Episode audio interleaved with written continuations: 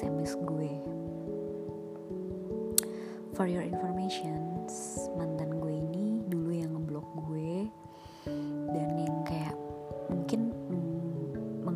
menjauhi gue ya dan memutuskan hubungan yang benar-benar putus gitu sama gue meninggalkan gue karena memang ada alasan yang oke okay, di sini bukan selingkuh atau apa pun itu tetapi ya mungkin ada yang pernah dengar kalimat yang kayak tidak direstui orang tua. Ya teruntuk mungkin orang tua gue nggak merestui hubungan itu. Posisinya sekarang gue udah memiliki pasangan baru yang di mana mungkin ya alhamdulillah lebih baik. Ya walaupun memang gak akan ada yang paling baik gitu loh nggak ada nggak akan ada yang terbaik gitu.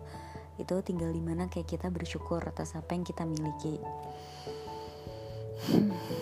pesan moralnya apa ya? Maksud gue setelah kayak gue udah ngerti gitu loh oh ternyata memang ini tuh relate banget gitu loh. Once, waktu dulu gue kayak uh, ngerasa ngeblaming diri gue kenapa ya kok dia ninggalin gue dia nggak mau berjuangin walaupun memang alasannya ya hal itu gitu loh. Kayak gue udah berusaha gue udah effort dan bla bla bla bla bla bla tapi dia kayak memilih untuk kayak ngeblok gue atau apa pun itu.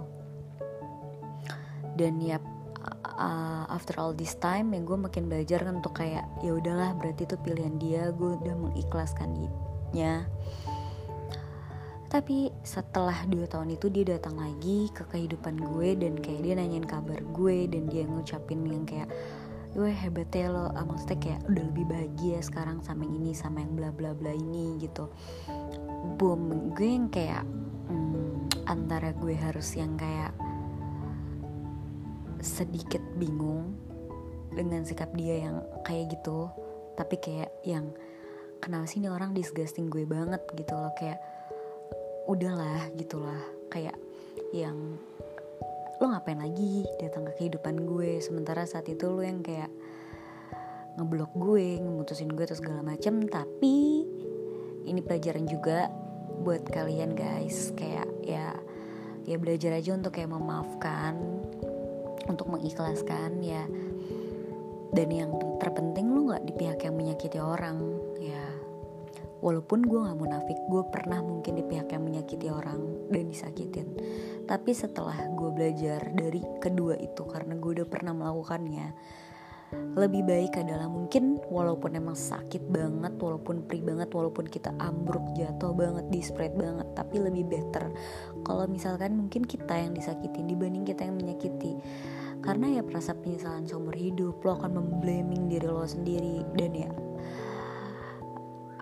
gue udah pernah gitu loh di posisi seperti itu gue udah pernah. Dan ya lagi-lagi kayak moral value-nya adalah di mana ya ketika kalian menjalani suatu hubungan dengan pasangan kalian sekarang ya hargai selagi ada gitu. Jangan kalian menganggap orang yang sayang sama kalian ini ya udah dia sayang sama gue dia nggak bakal bakal pergi sama gue dia bakal kayak segala macam itu. Enggak karena gini loh konsep sayang di sini itu bukan harus lu tuh kayak ngekang dia bukan harus lu tuh kayak atur dia bukan harus lu pengen yang ada di dalam diri dia tuh lo ubah gitu loh. Kayaknya itu konsep sayang yang salah deh. Perspektif lo tentang kata sayang itu salah mengenai hal itu. Rasa sayang ini tuh di mana ya? Seperti ini sih. Kayak lo udah tahu kekurangan dia apa lo akan mempertimbangkan nih untuk di kemudian hari apakah lo bisa nerima nih kekurangan dia yang mungkin seperti mungkin dia orang tipikalnya cuek, dingin, sedangkan lo maunya yang diperhatiin gitu kan. Atau mungkin kayak dia jarang mandi dan lo orangnya bersih banget. Mungkin kalau kebiasaan-kebiasaan itu masih bisa lo mempertimbangkan ya. Tapi beda lainnya, kalau misalkan kayak kebiasaan dia itu tuh suara kucing gue sih kerincingannya, sorry ngeganggu, ngedistract. Tapi beda kalau misalkan kayak dia udah melakukan kayak hal yang mungkin dia cheating atau mungkin dia bener-bener kasar atau verbal abusive sama lo itu udah toxic yang parah banget dan lo udah harus mempertimbangkan. Lo udah harus tahu limit lo dan itu tuh menurut gue adalah bukan sayang di situ sih poinnya.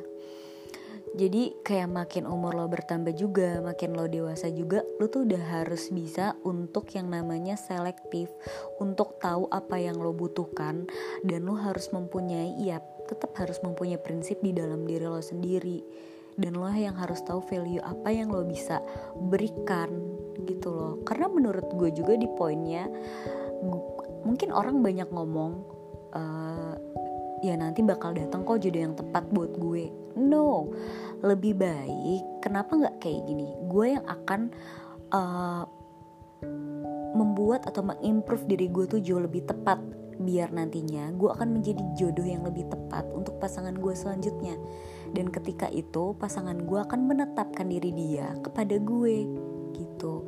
Dibandingkan kalau kayak misalkan lo ingin merubah seseorang seperti apa yang lo inginkan gitu. Kayaknya menurut gue bukan di bukan di situ poinnya gitu loh. Nah sedangkan lo ongkang-ongkang kaki untuk menerima perubahan itu menurut gue tuh orang nggak akan pernah bisa dirubah gitu. Tapi kalau misalkan orang ini memang sayang sama lo dia akan mengerti love language lo. Di mana misalkan ya walaupun mungkin gak 100% kayak dia mengerti tapi setidaknya dia ada berusaha berpotensi untuk memahami diri lo gitu loh. Dan masih banyak lagi sih hal-hal yang mungkin harus dipelajari gitu. Ya yang menjalani hubungan ini kan juga bukan yang kayak ibaratnya tuh kayak yang rasa sayang itu harus kayak dari mungkin lo harus memberikan materi yang banyak atau lo harus memberikan surprise dan segala macem. Ya sebenarnya hal-hal kecil aja itu juga udah yang mungkin bisa menumbuhkan itu semua dengan misalkan lo quality time lo membantu dia menemani di saat dia memang lagi membutuhkan lo gitu kan. Atau lo memberikan waktu untuk dia mitam itu juga menurut gue adalah rasa sayang karena lo menghargai dia sebagai makhluk sosial atau makhluk individu yang memang butuh akan hal itu. Nggak selalu harus melulu dengan lo gitu loh. Uh, dan atau yang kayak masalah kabar mengabari ya menurut gue bedanya kualitas dan kuanti kuantitas itu juga beda ya. Kuantitas itu cenderung akan menginginkan banyak banyak banyak dan banyak harus selalu misalkan 24 per 7 dikabarin. Nah sedangkan kualitas ya kalian cukup misalkan pesan singkatnya ya hanya hal-hal yang poin-poin pentingnya aja. Tapi ketika nanti kalian bertemu kalian bisa deep talk jauh lebih bervalue dan ya gue rasa ya lebih berbobot dan hubungan kalian juga akan semakin membangun gitu. Tapi mungkin untuk berada di mindset seperti itu juga butuh harus pembelajaran dan harus mengerti memahami gitu. Dan ya berusaha untuk selalu ya udah positive thinking kalian sibuk dengan urusan kalian masing-masing. Nah pasangan kalian juga sibuk dengan pencapaian dia seperti itu dan selanjutnya mungkin ketika ada kayak permasalahan-permasalahan yang memang ada dalam hubungan kalian ya kalian bisa membicarakannya baik-baik. Tapi kalau di dirasa kalian mungkin tipikalnya yang meledak-ledak atau emosian ya lebih baik kalian mungkin uh, memberikan silent treatment untuk ya silent treatment di sini untuk yang good silent treatment ya. Maksudnya adalah ya kalian sembari kalian silent treatment kalian juga memikirkan mengevaluasi tidak hanya menyudutkan tuh kesalahan hanya pada pasangan kalian gitu. Oke deh semoga mungkin ada ya curhatan gue dikit tentang moral value kenapa mantan gue yang mungkin dulu ninggalin gue terus balik lagi seakan-akan tidak merasa bersalah ya udahlah ya gue mau wajarkan ya namanya juga manusia adalah tempatnya salah. Dan ada beberapa tips terakhir itu untuk bisa menjadikan diri kita yang lebih bervalue dalam menjalankan suatu relationships. Kayaknya udah 10 menit aja nih gue juga udah lagi sambil skripsian sih. Ini pesan singkat aja gue buat ini. Semoga bermanfaat. Oke okay, love yourself first. Okay. good night girls